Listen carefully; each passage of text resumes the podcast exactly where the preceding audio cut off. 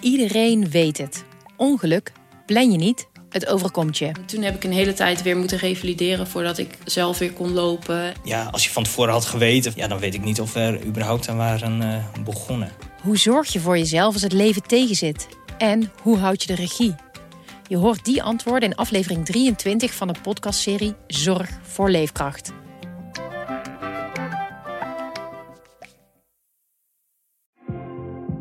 Een gegeven werd het zo groot dat we naar de Kamer van Koophandel gegaan zijn, dat wij de Belastingdienst ingeschreven werden. En zo stapje voor stapje zijn we steeds meer een echt bedrijf geworden. Je luistert naar De Jonge Ondernemer. De podcast waarin we spreken met de nieuwste generatie ondernemers. Want op jonge leeftijd beginnen met je eigen bedrijf gebeurt steeds vaker in Nederland. Het handelsregister telde vijf jaar geleden 20.000 ondernemers van 21 jaar of jonger. Inmiddels tikken we de 50.000 aan. Wat is de motivatie om zo jong te starten met je eigen business? In deze aflevering horen we hoe de broers Rens en Guus Zuiderwijk bouwen aan een lasergame franchise. En dat begon met het organiseren van Rens' eigen kinderfeestje. Ik uh, wilde voor mijn negende verjaardag wilde ik zelf gaan lasergamen. Maar er waren eigenlijk geen uh, goede opties in de buurt. En toen uh, dacht ik, nou, misschien kan ik daar zelf wel een bedrijf in starten. Ik, ik was toen al een paar maanden aan het roepen, ik wil ergens een bedrijf in opstarten. Maar zoals dat vaak gebeurt bij achtjarigen, was daar nog niet concreet van gekomen. En toen besloot ik dat maar uit te gaan proberen. En dat is toen groter en groter geworden tot waar ik nu ben, acht jaar later. Een idee op je achtste en dan op je negende van start. Rens richtte acht jaar geleden Lasergameverhuur Westland op. We verhuren lasergame-pistolen en accessoires voor kinderfeestjes, maar ook voor bedrijfsuitjes en scholen en van alles. En dat doen we heel low budget. Mensen die komen bij ons een kist ophalen met de spullen. En die kiezen dan zelf een park of een bos of een, uh, ja, wat dan ook uit uh, om daar te gaan lasergamen. En dan brengen ze die spullen uiteindelijk weer bij ons terug.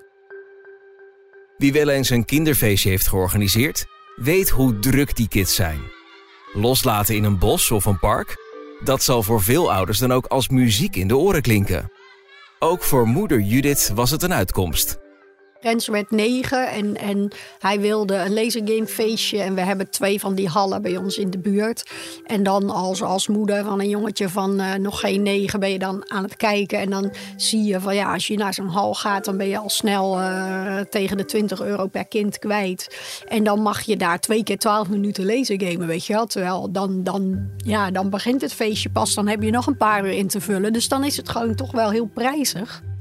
Nou, wij horen ook zo vaak van mensen van dat de kinderen echt zeggen van nou, dit was echt het allerleukste feestje dat we ooit gehad hebben. Dus dat is wel heel. Uh, ja, ja mensen verzinnen ook van alles inderdaad. Uh, we hebben ook mensen gehad die het in een gymzaal gedaan hebben. En die hebben daar nog allemaal tafels op uw kant gelegd en, en matten neergelegd. En we hebben zelf ook wel, nou ja, ik heb natuurlijk zelf ook, uh, ook een heleboel keren gelezen games met die, met die laserguns. En dan heb je ook mensen die gaan ergens hoog in een boom zitten. Dat je op een gegeven moment moet zeggen, nou, misschien is een meter of vier wel een meter of vier wel hoog genoeg. Dus mensen die verzinnen ook van alles of die gaan onder dingen liggen. Dus die obstakels, dat ja zeker bij kinderen, die zijn zo creatief. Dus die maken er echt uh, een hele onderneming van. De lasergamende kinderen worden dus geprikkeld om er een onvergetelijk feestje van te maken. Maar Rens en Guus helpen ze wel op weg met verschillende speltypes. Guus legt ze uit. Zelf spelen we ook vaak met de laserguns, vaak tijdens verjaardagen of zo. En soms krijgen we dan van vrienden die zeggen van... hé, hey, laten we dit proberen. En als het dan een goed idee blijkt te zijn, voegen we dat toe. We hebben ook um, zelf in het begin een paar spellen bedacht... en dan gekeken of ze goed werkten. En ja, dan heb je dingen zoals het zombiespel... waar dan één iemand de zombie is... en als die iemand uh, neerschiet, dan verandert die ook in een zombie... en dan gaat het zo verder. Of Hunger Games, dat je tijdens het spel mag veranderen van teamkleur... En zo, zo hebben we veel meer dingen ook. Uh, we, we verhuren ook um, targets. Dat zijn er altijd um, vier zitten er gratis bij, één per teamkleur. En hebben een targetspel waar je dan de target van je tegenstanders moet proberen te vinden. Twee ondernemende broers. Rens begon op zijn negende. Hij is nu 17. Guus is pas 13 en ook al een aantal jaar aan het werk. Maar waarom nou juist deze twee jonge gasten? Nou, ik kon al, al heel jong bij Rens dat ondernemende zien. Want hij was altijd dol op, uh, op van die markten, van die kofferbakverkopen of Koninginnedagmarkten toen nog. Waarbij hij vooral op jacht was naar oude Donald Ducks of Suske en Wiskus om de reeks compleet te maken. En waarbij hij onderhandelde op een manier alsof hij uh, allerlei trainingen voor had gevolgd. Alleen had hij dat niet. Ja, dat, dat konden we op zijn zesde denk ik al zien. Dat hij daar gewoon heel veel gevoel voor had. Rens is, uh, is heel ondernemend, heeft ontzettend veel lef. Je vindt het bijvoorbeeld ook helemaal niet moeilijk om, om met uh, uh, klanten in gesprek te gaan. Hè? Ook als het eens een keer een wat moeilijker gesprek is. Als bijvoorbeeld uh, klanten lasergamepistolen kwijtraken. Dat, dat komt dan altijd, loopt weer prima af.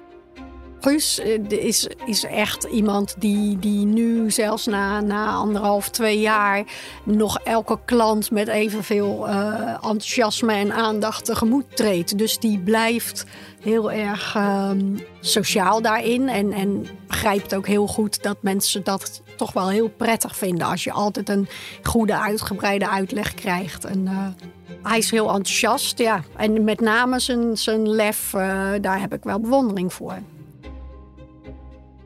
Lef, enthousiasme, aandacht voor je klanten. Kenmerken die elke ondernemer in zichzelf zou moeten herkennen. En ondernemen aan de hand van een strak uitgewerkt plan gaat ook niet altijd op. Ik had geen businessmodel uitgewerkt. Ik had geen uh, marktonderzoek gedaan. Ik dacht, nou, ik ga gewoon die lasergame pistolen kopen. En toen ben ik, uh, ja, toen heb ik een Facebookpagina gestart. En ik ben gewoon vrienden en familie gaan contacten. Van, hé, hey, dit doe ik nu. Als jij toevallig een leuk kinderfeestje wil hebben. Of als jouw schoolklas iets wil doen. Uh, kom dan maar bij mij langs. En dat is eigenlijk heel informeel. Dat is echt gestart als een hobby. Uh, en op een gegeven moment werd het zo groot dat we naar de Kamer van Koophandel gegaan zijn. Dat we een website opgericht hebben. Uh, bij de Belastingdienst ingeschreven werden. En zo stapje voor stapje zijn we steeds meer een echt bedrijf geworden. Maar bij de opstart waren nog wel wat uitdagingen. Wat je tegenkomt is dat de bedrijvenwereld eigenlijk helemaal niet gericht is op jongeren. Uh, en dat zien we bij de Kamer van Koophandel en bij de Belastingdienst en vooral ook bij de zakelijke rekening.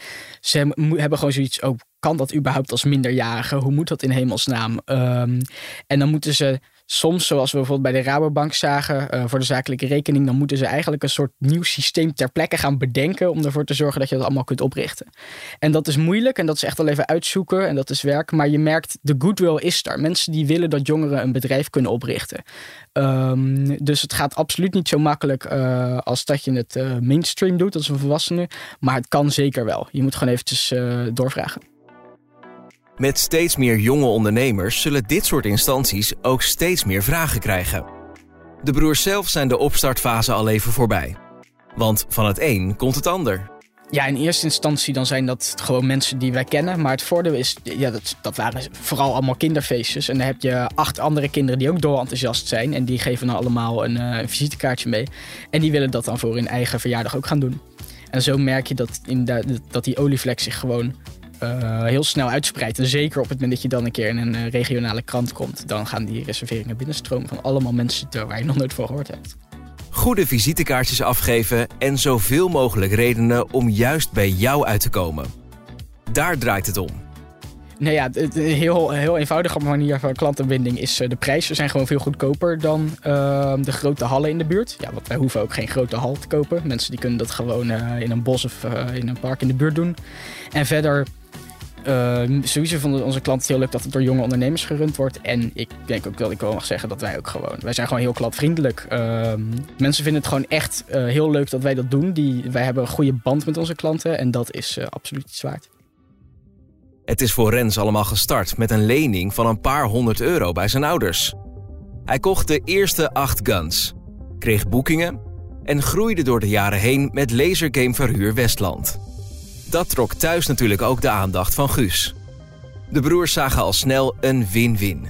Sinds mijn twaalfde werk ik echt um, voor Lasergame voor Westland. Ik doe vooral het deel met de klanten. Ik schroef en um, leg aan de klanten uit hoe de laserguns werken.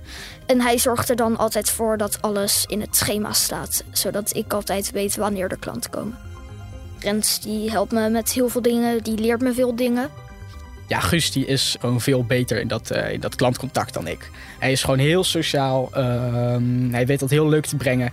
En je merkt ook gewoon dat klanten bij het ophalen en terugbrengen echt heel blij zijn om hem te zien. Gewoon omdat hij, uh, ja, ja, zo is die gewoon. En zo ben ik veel minder. Ik ben veel directer.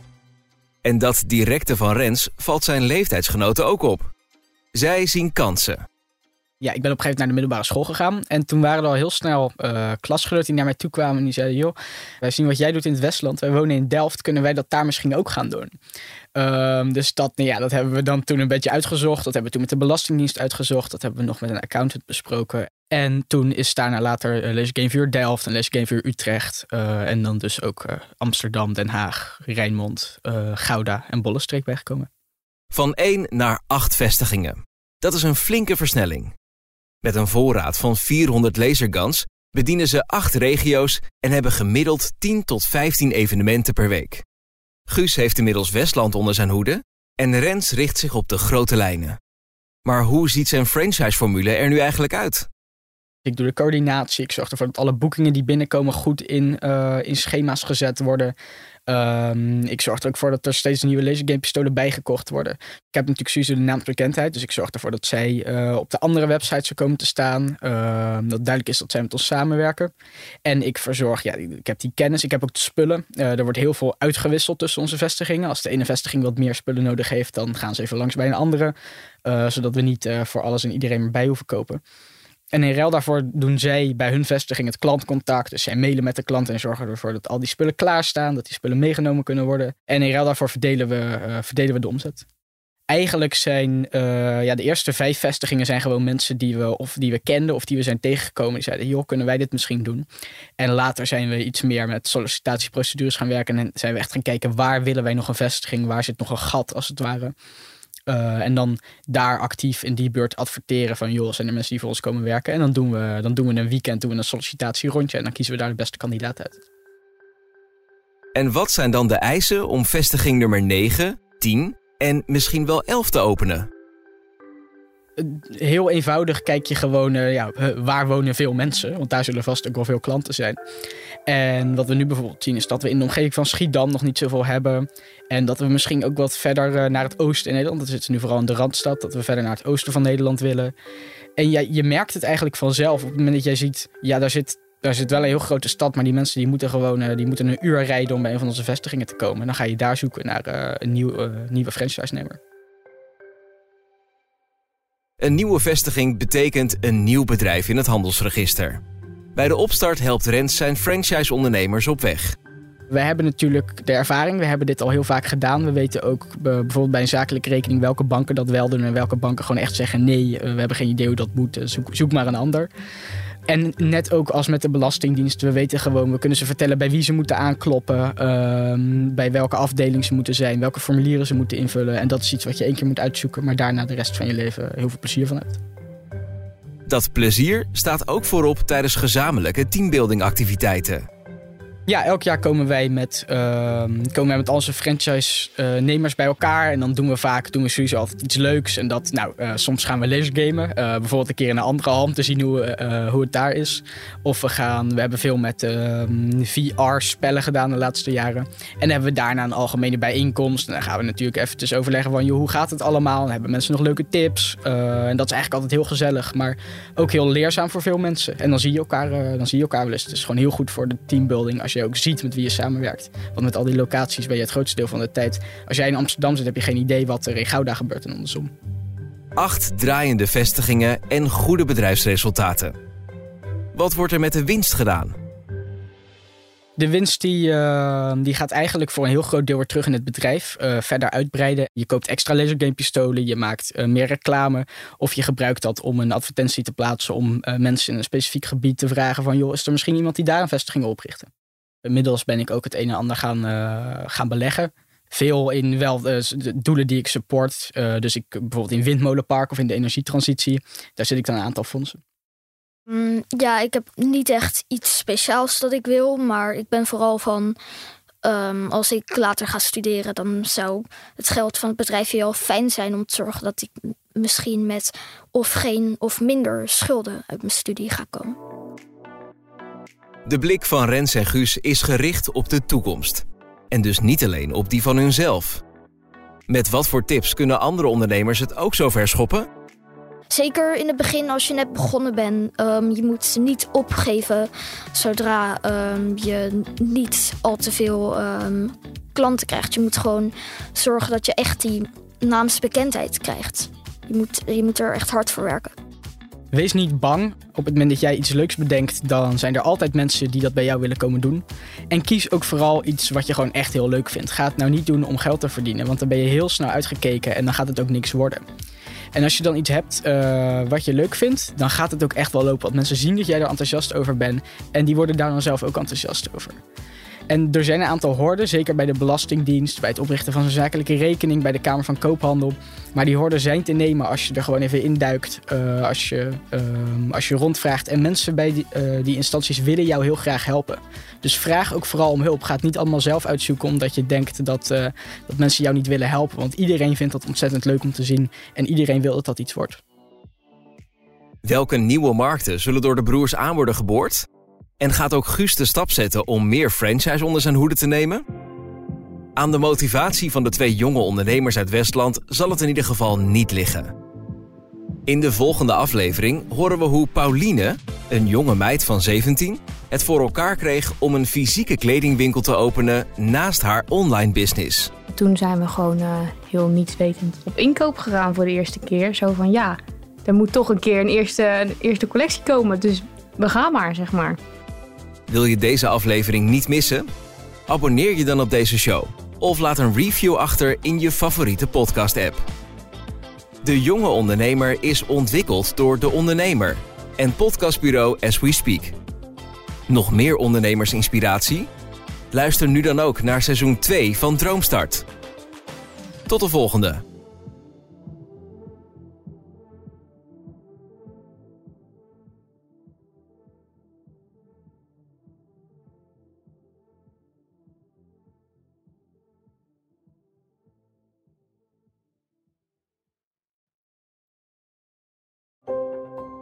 Een stip met een microfoon.